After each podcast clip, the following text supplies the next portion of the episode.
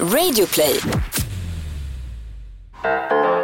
Hej allihopa och varmt välkomna till ett nytt avsnitt av Alla era frågor.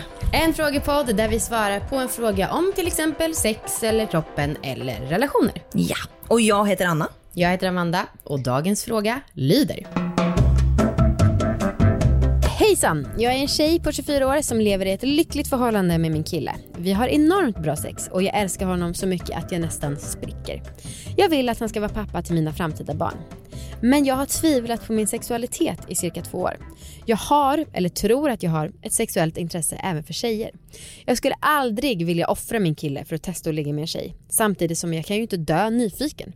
Hur hanterar man en sån här situation? Och hur tar man upp det med sin partner? Trekant är inte aktuellt.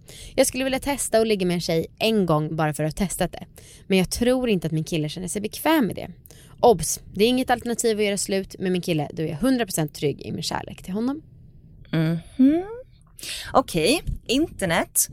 Eh, vi har hittat ett svar på hur det är att ha sex med en tjej. Eh, eftersom alla eh, alternativ är uteslutna från henne. Eh, för henne. Så hon får veta det liksom. Exakt. Rätt likt att ha sex med en kille fast mjukare på något sätt. Bröst och rumpor och så på tjejer är ju mjukare.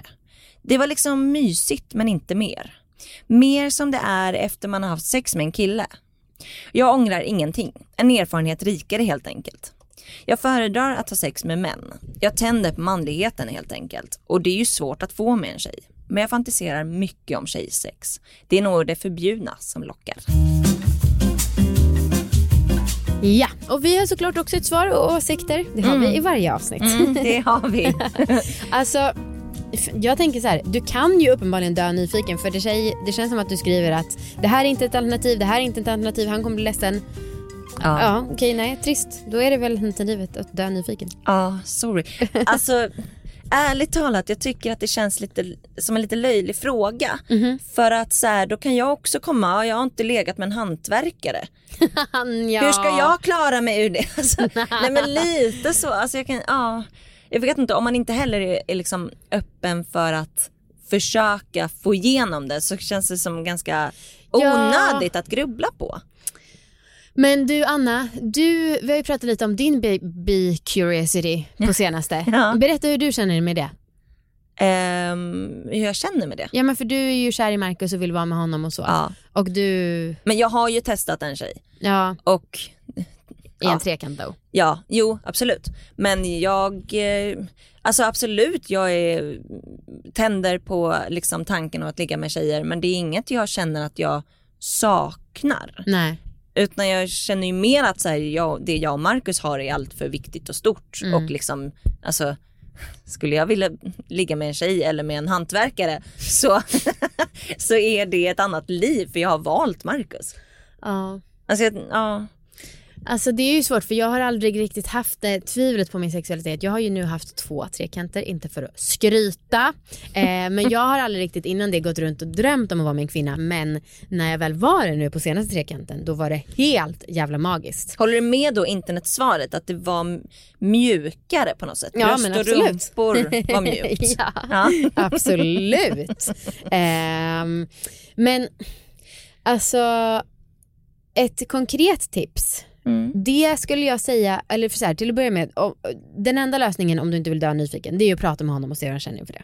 Ja. Ehm, och om han tycker att det känns OK eller så här, inte helt är stängd för tanken, då skulle du kunna testa att du skapar en profil på Tinder Mm. och liksom lite småflörter med tjejer och så ser ni hur det känns för båda för det är ju ett ganska milt steg. ja, verkligen. Eller typ går ut om man någonsin kommer få det eh, och typ på en bar och kollar in tjejer tillsammans. Ja. Eh, det är ju också väldigt milt. Och jag känner så här, är det här en kille hon kommer leva med och liksom verkligen vill satsa på och verkligen är kär i eh, så kommer det ju förhoppningsvis förändras under årens gång. Alltså så här, i- inget är ju satt i sten. Alltså han kanske kommer bli mycket mer pepp på att Eh, på att utforska eller öppna upp förhållandet om tio år eller fem år, vem vet liksom. Han kanske vill ligga med en kille. Ja, eller hur? Eh, så att jag tror inte att hon ska här, ge upp Nej. riktigt än. Men nu när du väl ska prata med honom, då så har vi hittat en artikel på Vice som tar upp hur man tar samtalet från olika synvinklar. Och eh, den var ursprungligen på engelska så att eh, om det är konstiga översättningar vet ni varför. Experter rekommenderar starkt att man delar sådana här tankar med sin partner eftersom hemlighållandet kan tära på relationen. Det kan också bidra till att du får för dig att din så kallade queerness är något att skämmas för, vilket det ju inte är. Om du oroar dig för att din partner kommer ta nyheten dåligt, vilket du gör, överväg att få professionell hjälp eller att prata med någon annan queer-kompis som kanske har gått igenom samma sak. En forskare som heter Poljak, terapist, eller nej, therapist, terapeut som är inriktad på personer inom LG, LGBTQ-communityt understryker vikten av att, ha queer, att queer-människor får stöd eftersom att det är många där som har högre risk för depression och att man ska känna mycket oro och sånt. Och forskare visar även att hålla sånt här hemligt ökar risken för att man ska må dåligt. Undvik att ta den här konversationen när du är trött eller distraherad av något annat. Välj ut en bra tidpunkt, till exempel över frukost på helgen. Du måste inte ha bestämt exakt vad du ska säga innan du tar upp det.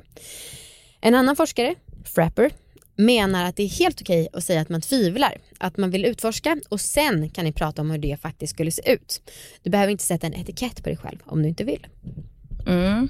Berätta för din partner hur du har känt, vad du önskar utforska och hur du tänker att det kan se ut i din relation.